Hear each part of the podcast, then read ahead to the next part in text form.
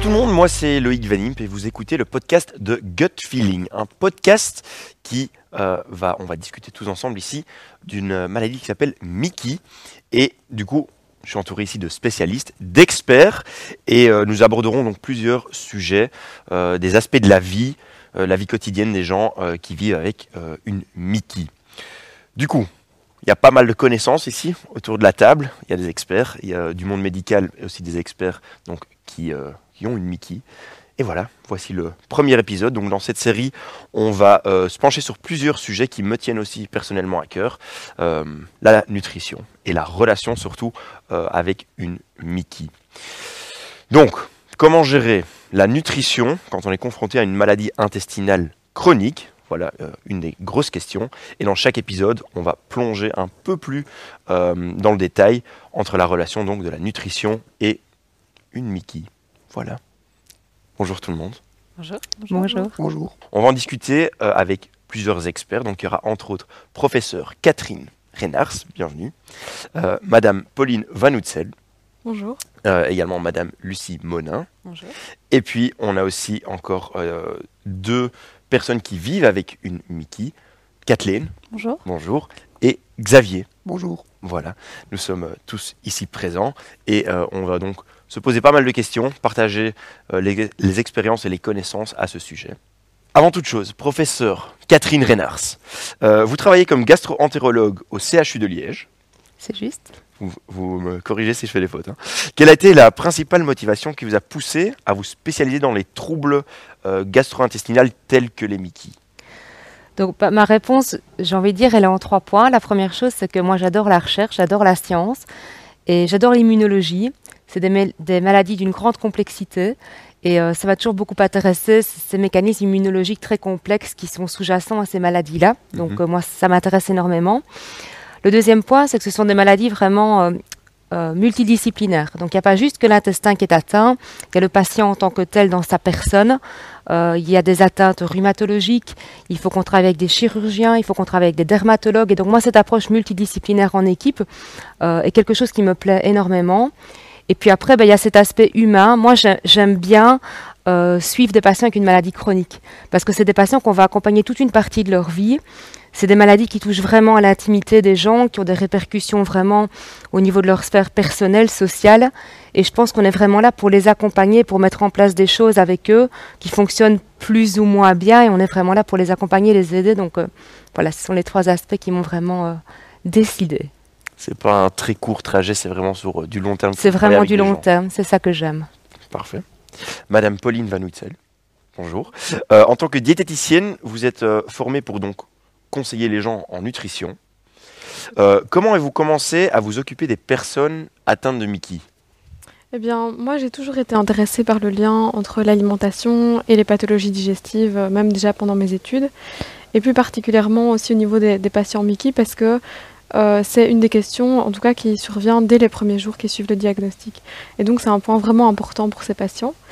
Et ensuite, j'ai eu la chance directement après mes études de pouvoir commencer à travailler dans un hôpital et euh, en faisant des, consultations diététiques dans un service de gastroentérologie. Et puis euh, petit à petit, je me suis impliquée, intégrée dans l'équipe Mickey de cet hôpital pour développer du coup une prise en charge diététique personnelle. Madame Lucie Monin, ici présente, vous travaillez comme infirmière spécialisée dans, dans les Mickey au CHU aussi de Liège. C'est ça. Et quel est votre rôle euh, dans l'orientation des patients plus spécifiquement? Ben, en fait, euh, j'ai un, rôle de coordinatrice euh, au sein de l'équipe et donc je vais aider en fait les patients et les orienter en fonction vers les gens dont ils ont besoin, en fonction de leurs besoins actuels. L'objectif, c'est vraiment de, de, créer des projets ou de mettre en place des outils pour leur faciliter la vie au quotidien avec la Mickey en fait. Très belles explications. Euh, Kathleen, vous vivez avec une Mickey. Oui. Euh, quand le diagnostic, euh, quand a-t-il été posé Premièrement, comment est-ce que vous avez vécu ça Et est-ce que ça, ça a eu un gros impact dans votre vie? J'imagine que oui. Alors, moi, j'ai été diagnostiquée. j'ai eu mes premiers symptômes, en fait, j'avais 13 ans. Donc, j'ai été diagnostiquée très jeune. Donc, c'est vrai que la question de la nutrition s'est posée pour mes parents. qui pensaient, comme tout parent, bien faire, et d'un coup, ça remet tout en question on se dit qu'est-ce qu'on a fait pour en être là, qu'est-ce qui a provoqué ce diagnostic? Et donc c'est vrai que quand on pense intestin, on pense nourriture, et donc c'est vraiment un sujet qui est, revenu euh, de manière récurrente. Après, quand on est ado, euh, on va pas se mentir, la nutrition c'est pas notre euh, priorité, donc c'est un peu passe à la trappe. Et puis en grandissant, c'est à nous un peu de prendre ces décisions-là, et tout à coup, on s'intéresse quand même plus à ce qui se dit. mais ça reste très euh, très, très théorique et c'est parfois difficile d'appliquer tous les conseils. On les reçoit d'un peu partout et c'est difficile de voilà, les mettre en application euh, au jour le jour. Euh, nous avons aussi Xavier parmi nous et un peu la même question pour vous. Quand avez-vous confronté à cette maladie, une Mickey? Et est-ce que vous aviez déjà entendu parler de cette maladie par avant par avant, non. Euh, donc moi, c'était en 1994, donc euh, euh, Internet n'existait pas. Et donc non, je n'avais absolument jamais entendu parler de ça. J'avais 28 ans. Donc j'étais déjà un jeune adulte, j'étais un moyennement jeune adulte. et donc ça m'est tombé dessus en, juin 94. Et au, au, tout début, le premier traitement a bien marché. Donc je ne me suis pas trop inquiété. Et puis j'ai fait une deuxième crise qui psychologiquement m'a très fort affecté parce que c'est là que j'ai réalisé que c'était une maladie chronique, que le, le gastro m'avait bien prévenu que ça malgré que j'avais une première émission, il m'avait bien dit que ça allait revenir, mais moi je croyais que j'étais quand même tranquille pour au moins 5-6 ans. Et malheureusement, un an après, c'est revenu. Et là, euh, ça a été nettement plus dur à mettre en rémission. Et donc je, me suis laissé tenter par les, soi-disant régimes, les, régimes miracles qui permettaient de, se sortir de, l'intestin, des problèmes intestinaux. Mais à cette époque-là, il n'y avait pas d'Internet, donc mes sources étaient euh, gravement non scientifiques. Hein. C'était des, revues que je ne vais pas citer, des revues People, etc. Hein. C'était de la publicité, soyons clairs. Et donc je, me suis remis un peu en question, etc. Et puis je me suis renseigné, et puis j'ai fait mon régime moi-même connaissance ici euh, tout le monde. Et euh, par expérience, nos experts, donc, ils connaissent mieux que quiconque l'impact d'une Mickey sur la vie quotidienne et donc la façon de gérer l'alimentation. Dans chaque épisode, on va commencer donc avec euh, l'avis ou le vécu d'un de nos experts pour introduire le sujet. Et je suis donc maintenant heureux de donner la parole à Xavier pour lancer la conversation.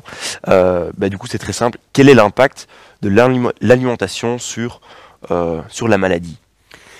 Alors, c'est une question qu'on se pose au début. Donc, quand on, a une, quand on Mickey, on va chez le médecin, il vous donne un traitement. Si le traitement marche, ben, on ne se pose pas d'autres questions. Ça marche, c'est très bien. Le problème dans les Mickey, c'est qu'il faut un certain temps pour trouver le traitement qui marche. Ou alors le traitement peut marcher pendant quelques mois et puis ne plus fonctionner après.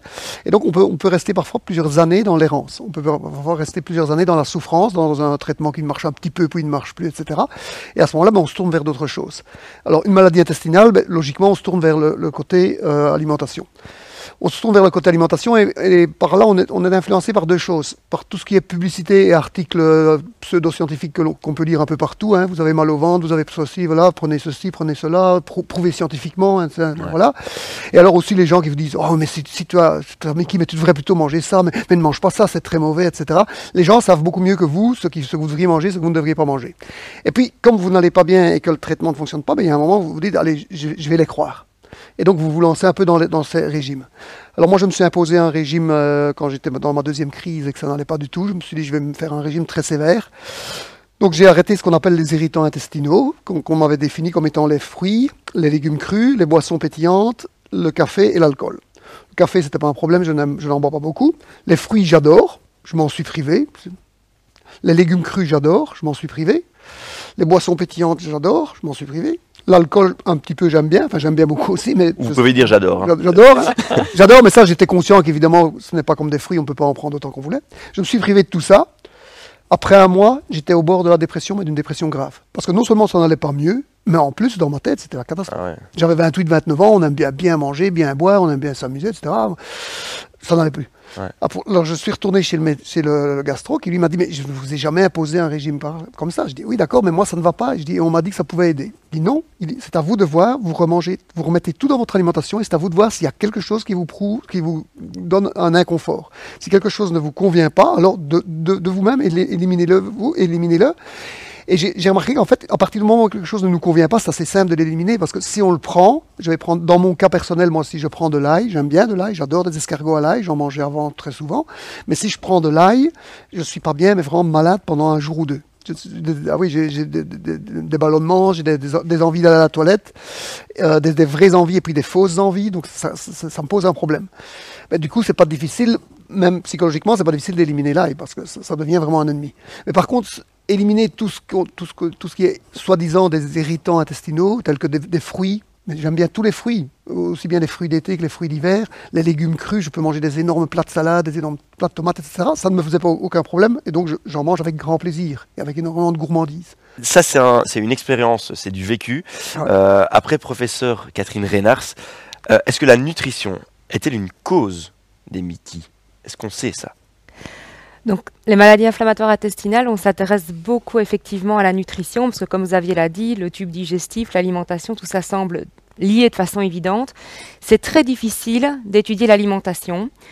Les maladies inflammatoires sont liées à l'environnement. Il n'y a pas de Crohn en Afrique, il y a plus de Crohn dans les pays scandinaves que dans le bassin méditerranéen, donc il y a des facteurs environnementaux qui peuvent être le climat, mais également l'alimentation.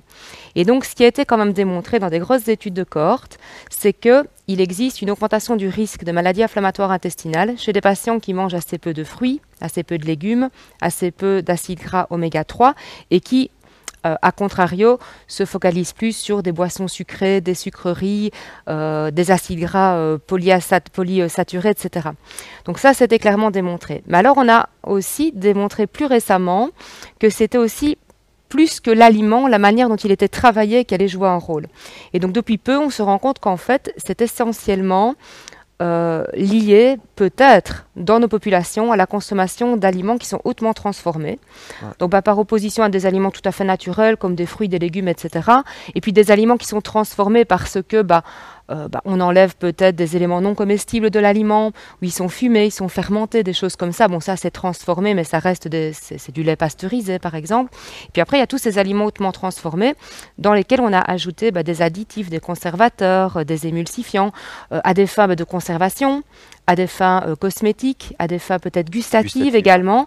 Et donc tous ces aliments, ça maintenant, il y a des études récentes qui ont démontré que ça augmentait de façon majeure le risque de maladies inflammatoires intestinales. Donc une belle étude a démontré que par exemple, si on consommait une fois par jour ou moins d'une fois par jour un aliment hautement transformé, le risque était assez faible de Mickey. Si on en consommait plus que 5 tous les jours, le risque était multiplié entre 3 et 4. Et donc on se rend vraiment compte que bah, ces aliments hautement transformés qu'on a tendance à, à consommer, bon moi parfois c'est vrai que je mets euh, des petites madeleines industrielles dans les mallettes de mes enfants, ou euh, certaines petites crèmes vanille, bah, il y a des, des caraganes dedans, des- ça fait peur. Hein Ouais. Donc maintenant que, que je suis plus plus consciente de ça, même moi en tant que consommatrice, je regarde davantage les étiquettes et c'est affligeant de voir à quel point bah, tout ce qu'on mange est ultra transformé. Et donc ça vraiment, ça a été bien bien démontré que ça augmente le risque de Mickey. Est-ce que vous, euh, vous vous reconnaissez dans la description que donne euh, professeur Reynars Euh, Alors euh, oui, totalement, puisque moi, quand j'ai d'abord été diagnostiquée, euh, on a d'abord euh, pensé à, comme chez beaucoup d'enfants, une gastro euh, classique, je veux dire. Le problème, c'est que ça durait, euh, que je commençais à perdre du poids. On a alors commencé à penser que c'était du stress. Euh, on a un peu euh, pointé du doigt mes parents qui peut-être me mettaient trop la pression pour l'école. Puis euh, c'était peut-être que j'étais pas bien à l'école. J'avais beau dire que oui, c'était difficile apparemment, voilà. Jusqu'à ce que vraiment ma maman tape un peu du poing sur la table en disant vous voyez bien que ça va pas, il faut faire autre chose. Et que je vois du coup un gastroentérologue qui lui a posé le diagnostic assez rapidement. Mais pendant un an, on a un peu euh, cherché ce que c'était. ben, J'allais juste dire quels étaient les, les termes euh, de temps. Donc ça fait Ouais, pendant un an. un an, en fait, vous, vous ne saviez rien. Bah, pendant un an, on a essayé, hein, comme euh, disait Xavier, quand on ne sait pas, on essaye. Donc on avait supprimé les tomates de mon alimentation, on avait supprimé le lactose, on avait supprimé le gluten, on avait, on avait tout tenté et au final, euh, rien ne résolvait vraiment le problème. J'étais toujours mal. Après, quand on a commencé à pointer le stress, ma maman essayait de ne plus rien me dire, mais ça crée un déséquilibre. Bon, ceci dit, c'était pas mal. Mais, euh, Ça, c'est Mais- de la- l'ado qui parle. mais c'était vraiment, enfin, ça créait un malaise dans toute la famille. Euh, on parlait de l'impact social. Ben, ça ne touchait plus que moi, ça touchait aussi mes parents qui remettaient tout en question. Chaque fois que je mangeais quelque chose, c'était euh, est-ce que c'est bon pour elle ou pas? Parce que ben, ils savaient pas ce que j'avais, donc difficile de d'éviter les problèmes derrière. Et oui, pendant un an, on a cherché jusqu'à ce que euh, je sois enfin diagnostiquée et qu'on puisse enfin mettre un nom sur ce que j'avais. Ok. Parce que vous parliez, euh, enfin, il y a clairement plusieurs symptômes euh, de ces maladies. Ce que je trouve intéressant, c'est que vous dites qu'il y a un, impact social aussi. Est-ce que vous voyez ça comme un symptôme de la maladie ou pour vous, ce sont quoi les, symptômes les plus embêtants, on va dire? Ben, les symptômes les plus embêtants, comme euh, Madame Reiners l'a dit, c'est vraiment euh, le fait d'avoir les envies d'aller aux toilettes. Ça veut dire que dans l'espace public, on doit pouvoir trouver des toilettes rapidement, ce qui est hautement compliqué euh, dans pas mal d'endroits. Et encore plus quand on est ado, euh, je pense euh, quand on va à un parc d'attractions, quand on va promener avec les copains, quand on va en soirée. On sait que les toilettes sont pas toujours dans un état. Mm. voilà. Euh, et donc c'est quelque chose qui, on va peut-être se priver de certaines choses. Donc c'est pas un symptôme en soi, l'isolement social et l'impact social euh, sur euh, même sur mes parents et sur euh, ma sœur, mais ça va être un- une conséquence, un dégât collatéral un peu. Ouais. Plus ça. Est-ce que vous avez des, euh, des attentions particulières par rapport à votre régime alimentaire Du coup, à cause de, de la maladie? Alors, euh, ben, moi, j'ai un peu pratiqué l'essai-erreur, du coup, un peu comme beaucoup de patients. Euh, je sais qu'il y a des aliments, euh, Xavier parlait de l'ail. Euh, moi, je sais que tout ce qui est piment, etc., c'est même pas la peine. Euh, je vais être très malade. À mon grand dame, parce qu'en plus, euh, ben voilà, euh, j'ai visité Spolette, j'étais hyper contente de pouvoir goûter du chocolat en me disant, oh, on sent pas trop les, les piments, mais je l'ai payé après euh, x 10. Allez. Euh, après, je fais comme Xavier. Si je prévois une raclette, ben, je prévois rien le lendemain. Euh, ça reste, euh, voilà, je suis une grande amatrice de fromage et ça reste des aliments que je consomme, mais en sachant que ça doit pas être trop souvent et que derrière, euh, bah, je vais quand même le sentir un peu passer. Euh, Lucie Monin, en tant qu'infirmière, vous êtes souvent le premier contact du patient. Et, du coup, voilà, les gens qui viennent chez vous, est-ce qu'ils pensent qu'il y a un lien avec l'alimentation ou c'est d'abord une autre chose qui, qui vous disent?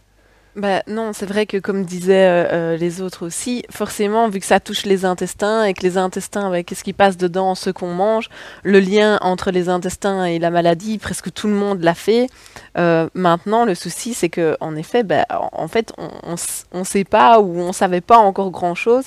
Et ce qui est vraiment compliqué, ce qui pose problème aux patients, c'est euh, ce caractère aléatoire aussi. Déjà, on en a deux ici, et en effet, ils mangent pas du tout la même chose, il n'y a pas du tout les mêmes résultats chez l'un et chez l'autre. Et le même patient peut parfois manger quelque chose le soir et ça va pas passer du tout, il va quand même réessayer le lendemain et ça va passer. Et, et donc finalement, bah, les patients sont un peu perdus. Et qu'est-ce qu'ils ont tendance à faire? C'est en effet aller voir bah, sur Internet où on, où on trouve, je veux dire, euh, une grande quantité d'informations.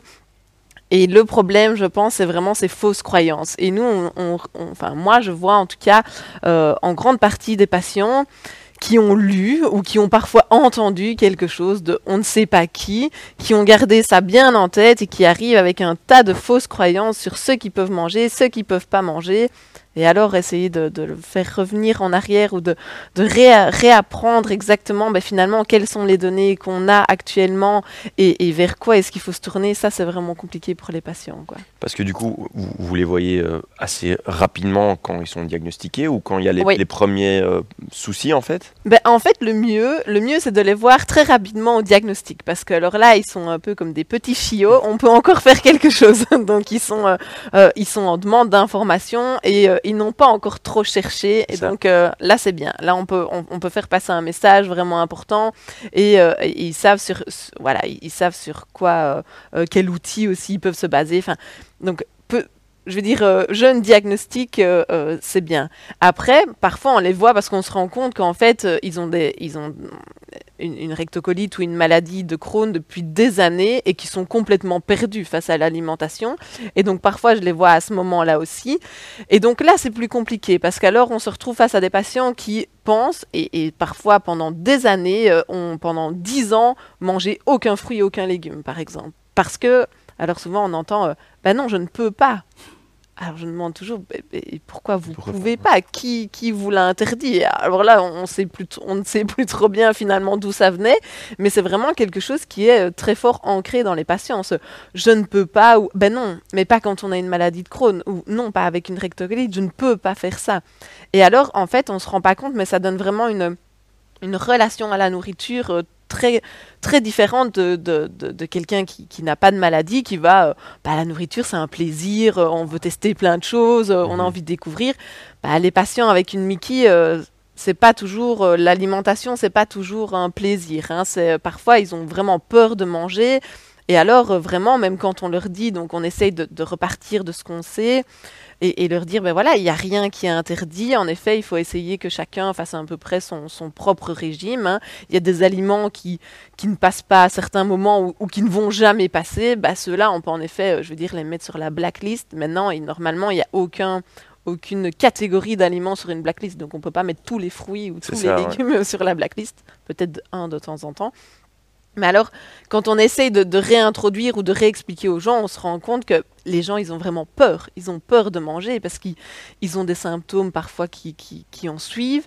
Et alors, ils, ils font pas toujours non plus euh, tout le temps la part des choses entre symptômes ou euh, activité de la maladie. Et donc, il y a vraiment une certaine crainte qui se fait euh, par rapport à l'alimentation. Et donc, ça a vraiment un impact de nouveau. En fait, le, le dégât collatéral, bah, essayez d'aller au restaurant euh, quand vous avez peur de manger, bah, c'est compliqué. Quoi. pas Donc, idéal. Voilà, il y a, y a vraiment tout- toute une relation à la nourriture particulière. en fait. Du coup, professeur euh, Reynars, euh, en tant que praticien de la médecine, vous avez évidemment un rôle essentiel pour l'orientation des, des patients. Et dans quelle mesure pensez-vous que c'est important de se concentrer sur la relation entre une Mickey et à la nutrition Est-ce que c'est vraiment clé de, donner ça comme info aux patients? C'est une très bonne remarque et c'est vraiment clé. Je pense qu'il faut être proactif par rapport à ça. Il ne faut pas attendre que le patient vienne à notre consultation avec des questions. Parce que comme ça a été très bien dit par les intervenants, que ce soit les patients ou notre infirmière d'éducation thérapeutique, les patients, ils vont faire des tests. Ouais. Ils, vont, ils se disent que forcément, ce n'est pas possible, ce n'est pas concevable intellectuellement qu'il n'y ait pas de lien entre l'alimentation et leur maladie.